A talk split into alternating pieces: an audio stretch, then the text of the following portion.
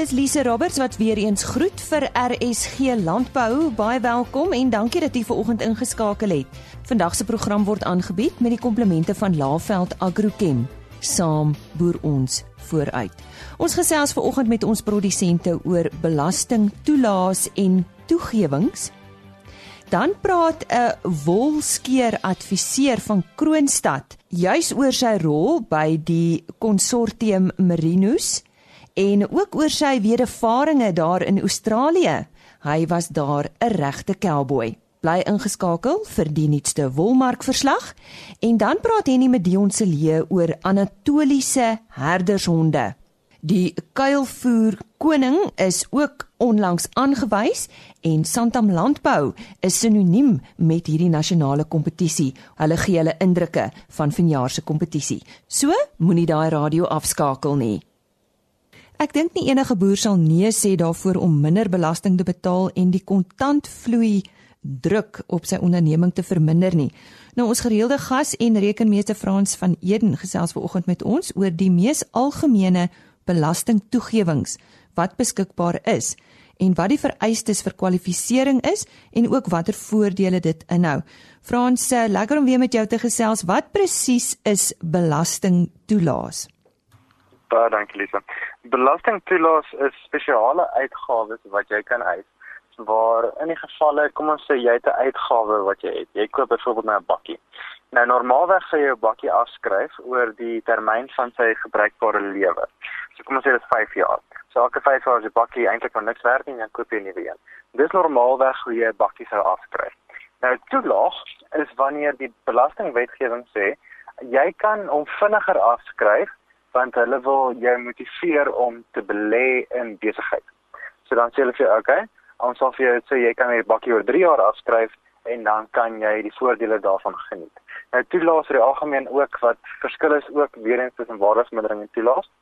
'n uh, Waardevermindering is pro rata, so as ek die bakkie op 28 Februarie koop en my belasting jaar is eindig op 28 Februarie, kan ek in effek eintlik net vir een dag waardevermindering hê. Maar 'n toelaag werk nie so nie ek kan die hele volle periode se toelaag eis selfs al koop ek hom op die laaste dag van die maand. Noem kortlik vir ons die mees algemene belastingtoegewings wat beskikbaar is. Die algemeenste is en dis maar vir al die industrieë en nou vir boerdery spesifiek is die versnelde slytasie op ehm um, boerdery toerusting kom ons sê koop 'n trekker, jy kan die trekker nou afkoop vir 3 jaar en die eerste jaar kan jy 50% van die trekker se koste eis as 'n aftrekking, tweede jaar 30%, derde jaar 20% en normaalweg sou jy kom ons sê oor 4 of 5 jaar afskryf afhangende van wat jy nou besluit. En dan dan is daar vervaardigingstoelaas en klein sake koöperasie toelaas. Nou vir klein sake koöperasies jy moet 'n geïnkorporeerde BK of maatskappy wees Ehm um, so een man sal kwalifiseer glad nie daarvoor byvoorbeeld en jy kan al jou toerusting afskryf ook 50 30 20 en dit vervaardigingstoelaas is as jy 'n vervaardigings of soortgelyke proses is waar jy kan afskryf 40% in die eerste jaar 2020 20 gaan na. So dit is die mees algemene een wat mense van bewus is. Uh maar wat is dan kapitaaltoelaas uh Frans? 'n Kapitaaltoelaas is wanneer jy byvoorbeeld gaan en jy koop 'n uh, 'n gebou en in die gebou vervaardig jy. Dit is 'n vervaardigingsgebou, fabriek met ander woorde. In die fabriek het ek uh, eh, 2 miljoen spandeer om hom te koop of om te bou. En nou sê die kapitaaltoelaag in terme van artikel 13, ek kan 5% per jaar van daai gebou se koste aftrek van my wins vir die jaar. So dit is dis nou wat dit wat dit toelaag lekker maak. Is as jy kwalifiseer, jy hoef geen addisionele uitgawes aan te gaan. Dit is eintlik 'n bate vir jou wat jy nog kan verkoop eendag teen 'n hoër waarde as nou maar jy kan 'n spesiale aftrekking van kry. Dis wat 'n kapitaaltoelaag is. So dis balansstaat items wat jy nie normaalweg sou kon afskryf nie, wat jy nou kan afskryf. Frans, eh, watter tipe slytasie toelaas kry mense as ons kan teruggaan soontoe? Okay. Eerstens kom ons gaan net gou na boerdery toe. So nou koop ek vandag my trekker en ek wil hom afskryf. So wat as jy voorstel as jy wil bates? En die maklikste natuurlik sal wees as jy nou 'n akkurate rekord het wat jy elke maand byhou en jy weet wat jou wins is. So nou wil jy 'n bietjie belastingbeplanning doen. Jy jy kan jou slytasie akkuraat of jy die beste gebruik as jy daai rekord beskikbaar het. So nou ek sien ek het byvoorbeeld 'n 3 miljoen rand se wins en ek weet ek moet trekkers koop of ek weet ek moet eendag 'n implement koop, dan kan jy reeds beplan om op jaar einde op hy laaste dag, want as jy hom op 1 Maart koop dan mis jy hom. So op 28 Februarie kan ek nou 'n bate gaan koop en ek kan dan nou daai afskryf vir die hele jaar, daai 50%. So dis nou waar jy jou slytasie toelassing begin gebruik. Ehm um, gaan praat met 'n spesialis en baie keer het jy 'n tipe van 'n bedryf op jou boerdery wat kan kwalifiseer as 'n soortgelyke bedryf aan vervaardiging. So kan jy daai toelaas ook hê. Of jy kan self struktureer dat jy 'n klein sake korporasie is. Wat beteken as jy 'n klein sake korporasie is en jy 'n 'n 'n vervaardigingsentiteit kan jy sê as vervaardigingsentiteit hè kan jy na eerste jaar wat jy aan bate aankoop 100% afskryf. So dit dit raak ek wil nie sê tricky nie, maar daar daar is ins and outs wat jy kan ken en wat jy moet ken. So dis waar jy 'n spesialis nodig het. So slytasie kan jy baie geld in die langtermyn spaar, maar jy gaan dit moet ken. Hoe kan ander afskryfbare bates afgeskryf word? Kom ons sê hy kwalifiseer nie vir enige van die slytasie toelaas wat dan beskikbaar is nie. En ek het net 'n paar genoem. Dan kan jy hom afskryf oor die bruikbare lewensduur van die bate, mits hy in die voortbring van inkomste gebruik word. So byvoorbeeld ek kan nie my my persoonlike bates by die huis, my sitkamer stel en daai goed afskryf vir belastingdoeleindes want dit dis my persoonlike bates. Ek gebruik glad nie ter voorbring van inkomste nie.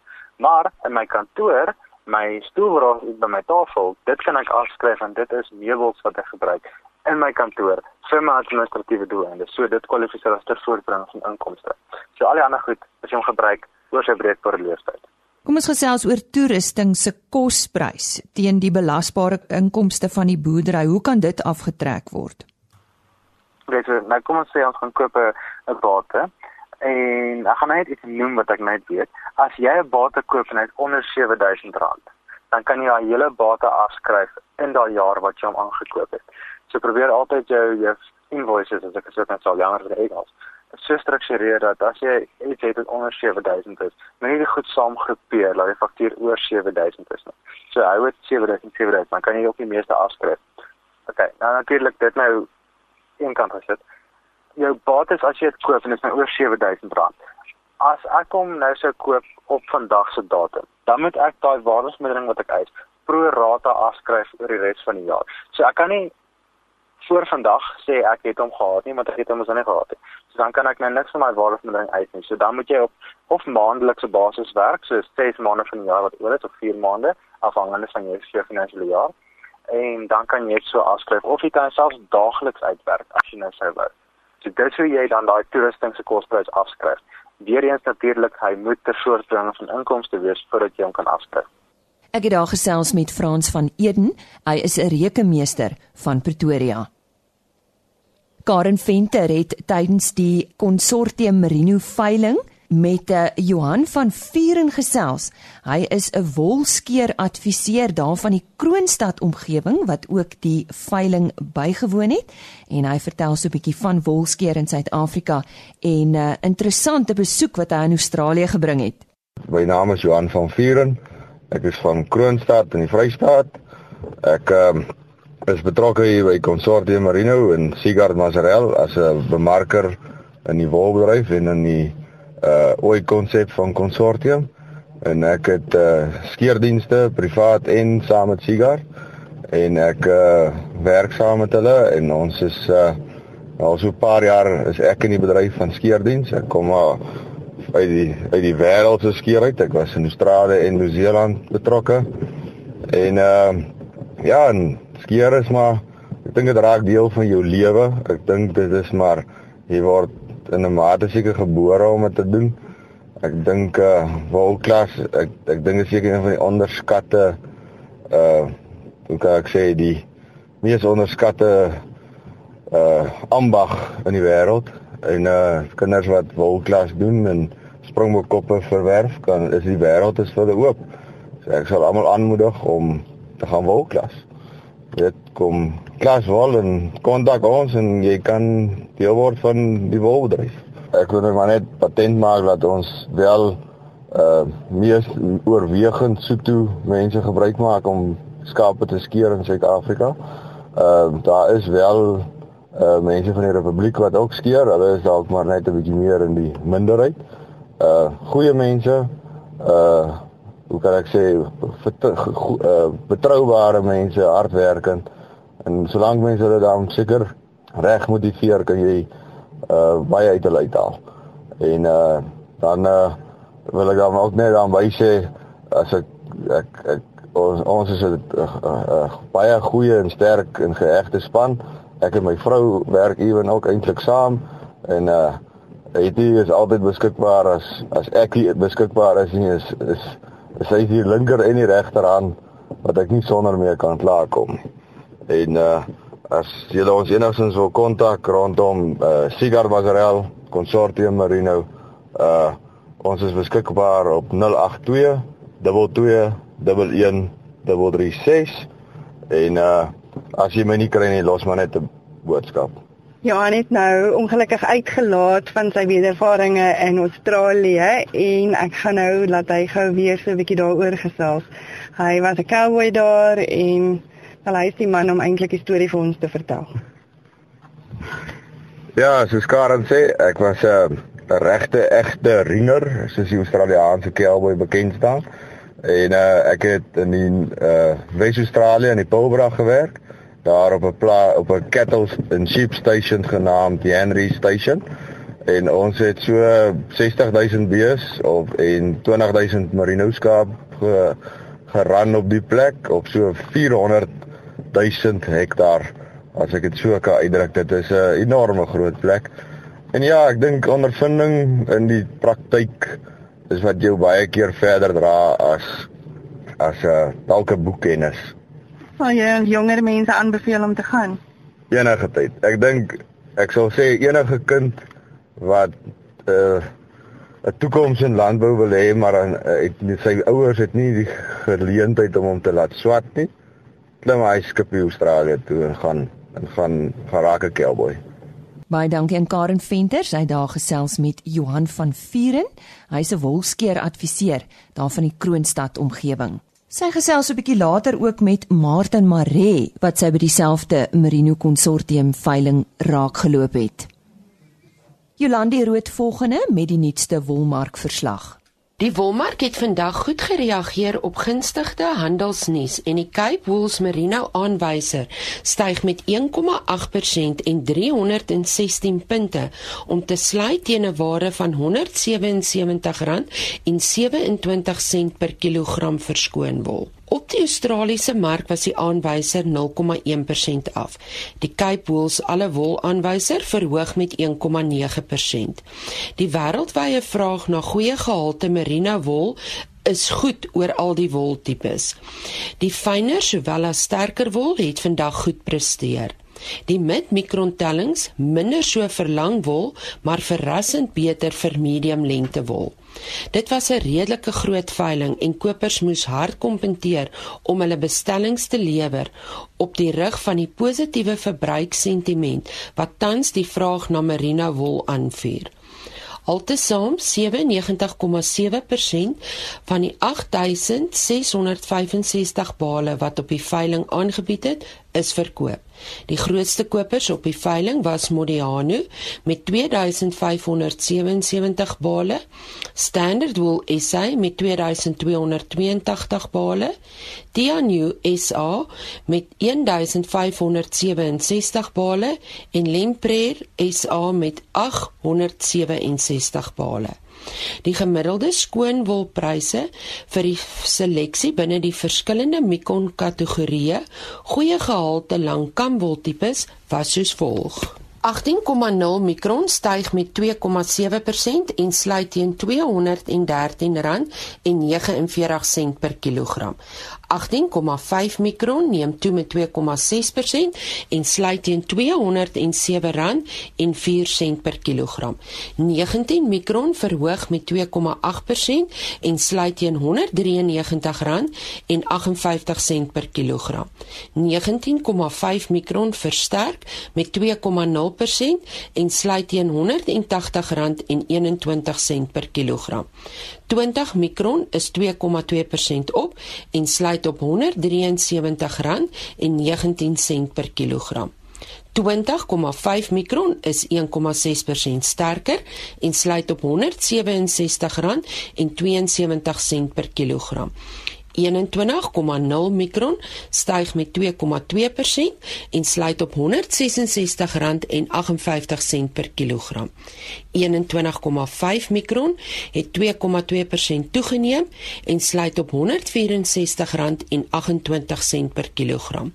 22 mikron styg met 2,0% en sluit op R159,59 per kilogram. En 22,5 mikron is 3,2% beter en sluit op R159,74 per kilogram. Die volgende veiling vind plaas op 27 September wanneer 5706 bale aangebied sal word. Die stem daarvan Jolandi Rood. Ons sluit nou aan by Henny Maas waar hy en sy gas praat oor die mens se beste vriend of in hierdie geval die plaasboer se beste vriend. Ons uh, gesels nou met uh, Dion Silje van Cheetah Outreach. Uh, ons gaan nie met hom praat oor jagluiperds nie, maar oor anatoliese herdershonde. Uh, vertel ons meer, waar kom die honde vandaan, uh, Dion? En ja, die anatoliese herdershond kom oorspronklik uit Turkye uit waar vir meer as 3000 jaar al gebruik was as 'n uh, herdershond vir die vee daarso teen beere en wolwe. Ehm um, so die dit is basies om ingeteel om agter vee te kyk en ehm um, dit is hoekom om ons in Suid-Afrika ook gebruik. Ehm um, die klimaat in Turkye is baie dieselfde as wat in Suid-Afrika is. Temperature van onder minus tot in die 40 grade en die hond is baie aanpasbaar. Ehm um, as hy vir beere en vir wolwe in Turkye kan werk, dan werk hy definitief uh, die luipersjagluiperd en die ander roofdiere in Suid-Afrika. Is die ras nogal gewild in Suid-Afrika? Ja, natuurlik sê hy son is 'n hond wat nog redelik onbekend is. Ehm um, van die mense weet van hom. Ehm um, maar daar's nie regtig baie teelers nie. Ehm um, en dit is 'n regtige ras wat aangepas is as 'n herdershond en wat ons kan aanbeveel vir die mense in Suid-Afrika om agter hulle vee te kyk. En is hulle maklik verkrygbaar? Op hierdie stadium, omdat daar nie regtig baie teelers en geregistreerde teelers in Suid-Afrika is nie, kan die mense van die honde kry, maar dit is regtig onseker wat die bloedlyne en werkslyne van daai honde is wat wat wat mense kan kry. Ehm um, ek sê maar altyd vir die mense, maak seker dat jy jou jou honde van 'n teeler kry wat homself al bewys het met goeie werkslyne en goeie bloedlyne het. Ehm um, die oorspronklike honde wat in Suid-Afrika is, is geneties baie naby aan mekaar. So ons is maar baie versigtig vir 'n teeling die honde ras. En die geaardheid van die honde? Anders as baie mense dink, is Anatoliese herdershond nie 'n aggressiewe aanvalshond. Hy is egter 'n baie vriendelike veewagtershond. Ehm um, en hy hy sal basies die, die vee wat hy verwag hou, sal hy oppas. Ehm um, die enigste tyd wanneer hy regtig aggressief gaan raak, is as daar iets wat sy sy vee gaan pla en dan sal hy in 'n beskermingsfase oorgaan. Ehm um, maar nog nie 'n aanvalsfase nie. Ehm um, hy blaf baie, hy's baie intimiderend. Maar glo my, as daai ding wat sy vee pla nie gaan wegbeweeg nie, dan sal hy aggressief raak. Word hy as 'n groot uh, honderas beskou? Ja, natuurlik sê hy son word as 'n groot honderas beskou. Hulle weeg enigiets tussen 40 kg tot by die 70 kg as hulle volwasse is. Um, ons verkies om nie die groot 70 kg honde te gebruik in die bosveld of in die Kalahari gebied nie. Hulle sukkel maar Ehm um, ons verkies maar weer die, die medium groot honde van die 40 50 kg. Wat ook klaar groot hond is wat maklik teenoor ons dier kan opstaan. En hulle hulle bly dan die hele tyd by die uh, by, by die vee om hulle op te pas. Ja, ek dink die honde word basies by die vee gesit onder 7 tot 8 weke oud is. Hulle vorm dan 'n band saam met die vee. Ehm um, en vir die res van die lewe sien hulle daai vee as hulle familie. Ehm um, daai vee word basies saam met hulle groot in 'n kraassituasie sodra hulle uitgaan veld te leef uh, buite die veld saam met vee. Um, en dis hoekom hulle oppas. Jy sien dit as hulle trop, hulle familie, die hulle band wat hulle gevorm het, is baie baie baie sterk. En en moet die honde geleer word om diere op te pas? Nee, die honde omdat hulle al so lank gebruik was in Turkye, dis daai drang om op te pas in hulle ingedeel. Ehm um, maar ons moet onthou dit is honde. Die honde kan stout wees. So die boer moet altyd net oog hê oor sy hond. Veral in die eerste jaar het hy ouma geduld nodig. Die honde kan skelerig geraak en hulle skelerigheid kan hulle vir die jong vee dalk seermaak. Hulle kan van die ore begin byt. Hulle kan wol pluk op die op die skape. Ehm um, dit is al gedrag wat ou stop as mense sien. Ehm um, speelgedrag in hierdie honde is heeltemal ontlaatbaar. Hulle is waghonde, hulle moet nie toegelaat speel nie. Ehm um, sulke honde wat oormatig spelerig is, stel ons maar altyd voor om te verwyder en dan vir dit die hond te begin. En as jy mens die honde moet dip of of ent, uh, hoe gaan 'n mens te werk? In die fase waar die honde band met die met die vee vorm onder hy klein is, stel ons maar voor dat daar minimum kontak is. Slegs met met etenstyd moet daar kontak word. Maar dan stel ons ook voor dat die boere fisies die hond hanteer, op sy rug draai, onder die bene kyk vir bosluise en so aan. Dat die honde gewoond raak aan aanraking van mense. Ehm um, na 6 maande as die hond in die veld begin werk, dan het ons nie 'n probleem as enige menslike kontak is nie, want 'n mens moet tog die honde kan dip en ehm um, so die hond moet, moet kan hanteer word. Ehm um, 'n hond wat nie hanteerbaar is nie, kan nie gedip word nie. As dit probleme vir boer begin veroorsaak, kan hy ook nie hanteer word. Dan sê alles oor die Anatoliese herdershonde, dit was dan Dion Silje van Cheetah Outreach. Dankie Henny. Die 2017 nasionale kuilvoer koning is tydens die Alpha Expo daar by die Afridome in Parys aangewys. Santam Landbou is sinoniem met hierdie kompetisie en uh, ek gesels nou met die hoof van Santam Landbou Gerard Diedriks.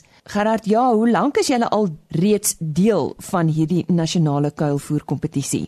Goeiemôre Lise. Dit is ons voorreg om al vir die afgelope 4 jaar betrokke te wees by die nasionale kuilvoer kompetisie saam met Veeplaas en Stokfarm. Dit is vir ons regtig 'n voorreg. Hoe meet julle nou die sukses van so 'n borgskap? Lise ons by Santam Landbou is totaal afhanklik van die landbouwaardeketting in Suid-Afrika en ons is maar voortdurend op die uitkyk om te kyk waarby kan ons betrokke raak sodat ons dan 'n bietjie vir die landbouwaardeketting kan teruggee. En is ons dan nou voortdurend op die uitkyk na geleenthede soos hier geleenthede soos hierdie om betrokke te raak by georganiseerde landbou. Nou hierdie kuilvoer kompetisie, hy pas lekker perfek daarin in die sin dat jy nie net een segment of na een kommoditeit van die landbou verwys nie. Jy kyk nou na die vleisboere, jy kyk na die melkbore.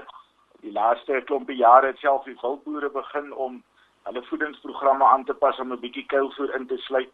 En dan as jy gaan kyk na die graanboere wat 'n groot komponent uitmaak, hulle verskaf nou weer belangrike bestanddele vir die maak van kuilvoer, soos onder andere mielies en haver en sorghum. En met kompetisies soos hierdie versamel die slim mense nou baie waardevolle inligting, hulle ontleed dit lekker wetenskaplik en met die terugvoer van hierdie data help ons dan nou om die landbouwaardeketting sodat hy uh, volhoubaar kan uh, produseer. So net so 'n klein voorbeeldjie kan gebruik as hy ou aanvaar dat ons jaarliks so 9 miljoen ton kuilvoer in Suid-Afrika maak wat ons ongeveer so R500 per ton kos en die terugvoer en die wetenskaplike ontleding van die data van 'n kompetisie soos hierdie kan maar net 'n klein 3% verbetering in die voedingswaarde teweegbring. Dan voeg ons aan die einde van die dag 135 miljoen se addisionele voedingswaarde tot die landbouwaardeketting by. En dit is vir ons by Santam baie belangrik Kom ons gesels oor uh, verjaar se kompetisie deel bietjie um jou indrukke met ons. Lise, as ek nou gaan kyk, dan kan ek dit nou maar eintlik maar net beskryf soos 'n goeie rooiwyn. Hoe langer hy aangaan, hoe beter raak hy. In 2014 was daar net een kategorie gewees, naamlik 'n mieliekategorie. In 2015 is hy uitgebrei om ook haver en sorghum in te sluit. In 2017 het ons self 'n uh, 'n uh, 'n skoolkategorie ingeskryf want ons weet hulle is die landbouers van môre En as ou gaan kyk het ons al 210 deelnemers aan die kompetisie gehad die afgelope 4 jaar en om dan nou uh, die kroning te kon bywoon by 'n plek soos Alpha wat deur of by die dome wat by deur Alpha geleer is deur Plus Publishing was dit dan nou net 'n ontsettende voorreg. Om jy af te sluit, dalk wil jy ietsie sê oor die wenners. Lisie, ja, daar is uitstekende deelnemers gewees en in hulle eie reg is hulle absoluut wetenskaplike kuilvoerbakers, maar in 2014 was dit Lou van Reden van die Sparta Baby B wat gewen het. Sy kuilvoer bestuurder daar Selle Chiboko. Hulle voer as jy ou net gaan dink na die getalle voer ongeveer 75000 ton kuilvoer aan gemiddeld 75000 beeste wat daagliks op voerkraal staan. In 2015 was dit Hannes en Niels Netlingpa en seker kombinasie van rooi koppies net die buitekant ryten en hulle melk ongeveer 500 melkbeeste. Verlede jaar was dit Benny van Greenen van die van Greenen boerdery net buitekant George En hierdie is een maar net een van hulle vertakkings. Hulle melk tussen 3500 en 4000 uh beeste. En dan vir jaar was dit nou Hanu Lombard van Westend Landgoed wat net so meer as 1000 beeste melk. So hierdie is almal groot boere in eie reg en ek dink dis 'n kompetisie wat moet aangaan en ons moet kyk of ons die waarde wat die kuilvoer ontsluit in volhoubare landbou nog verder kan uit uitbrei. Ek het daar gesels met Gerard Diedriks, hy is die hoof van Santam Landbou. Soos beloof, die bydrae wat Karen Venter vir ons gestuur het, waar sy tydens die konsortium Merino veiling ook vir Martin Maree raak geloop het. Hy is ook van die Victoria Wes omgewing. Ek is uh, Gawie, hulle is 'n buurman aan hulle suidekant en uh, ek is teenwoordig hierso by hulle ramveiling waar hulle 'n klomp baie mooi ramme goed aanbied. En uh Karen het my gevra hoe weet ek watter ramme gaan die beste wees en die beste pryse wees. Maar omdat ek weet die seleksie is so baie streng en oor so groot en 'n wye omvang dat uh hulle jy kan die swakste ram vat, 'n middelmatige ram vat en jy kan die heel duurste ram vat en jy hulle in 'n proef uh proeftoetse doen met 'n klompie oeye en maak sal daar baie weinig afwykings wees van die lammers wat aankom as gevolg van die uitstekende seleksie wat die mense het. Mense kom van reg oor die land om vir hulle hier teelmateriaal te kry. En die feit dat hulle weer terugkom sê dat hulle met goeie goed besig is en dat hulle aanhou met 'n ding wat wat 'n projek wat werk. Ek boer ook met merinos en uh, ek hou van die hou van die skaap want ek hou van die wol en ek hou van die van die tipe diere waarmee ons boer hierso. Ons Victoria Wes distrik sal ek sê kan jy jy kan by enige mens kan jy eintlik maar gaan die uh die die die tipe skaap wat in die omgewing geboor word is baie eenvormig. Jy kan jy sal amper dink as jy na die hele distrik kyk, dis almal een man se skaap. Maar uh, dit is die tipe van gehalte diere wat ons ontwikkel het in die tyd. Ons het uh, ek kan nou die die die vader van hierdie tipe merino is Phil van der Merwe wat nou al rukkie terug oorlede is. En uh, ons gaan hom aanname en gaan weer hulle in konsortium uh hou daai uh, hou hulle uh op daai spesifieke lyne wat wat hulle geleer is om daai tipe merino want dis die tipe dier wat pas in die omgewing waarmee ons besig is. En uh die die die tipe merino waarmee ons boer hierso uh staan vir geen ander as terug hier want ek en ons doen baie goed met vleis, ons het baie goeie besettingssyfers ons kry reg om baie goeie speenpersentasies te kry. En by dit als skeer ons 'n baie hoë kwaliteit wol af uh wat uh merino eintlik baie uitnemend en innemend uitnemend ek weet nie wat is die regte woord wat op baie top tipe dier is om mee te boer. So ehm uh, dit is dit is dit is waarmee ons maar aangaan. Ek weet daar is mense wat party met dorpers boer party tog 'n bietjie angoras by maar ons Victoria Wes omgewing is maar uitsluitlik maar merino tipe boer waarmee ons werk. Oor ons tipe merino boerderye waarmee ons besig is, my wil kontak, my selfoonnommer is 084 878 5555 en my my uh, telefoonnommer vir die huis is 0536 930 836. Ons het daar gehoor van Martin Maree. Eiwerige tuinmakers en vrugteboere het seker al agtergekom dat sommige vrugtebome ook aan en af jare het waarin 'n minder of meer vrugte geproduseer word. Nou dit is onder andere waaroor ons môreoggend op RC Landbou gesels. Uh Nico Klasen, hy is besigheidsontwikkelingsbestuurder van Laveld Agrochem, praat met ons hieroor. Vandag se program is juis aangebied met die komplemente van Laveld Agrochem. Saam boer ons vooruit. So onthou môreoggend se program om 05:30 nie mis te loop nie. Tot dan. Geniet die res van die dag. Totsiens. RSG Landbou is 'n produksie van Blast Publishing. Produksieregisseur Henny Maas. Aanbieding Lisa Roberts en 'n notas koördineerder Jolande Rooi.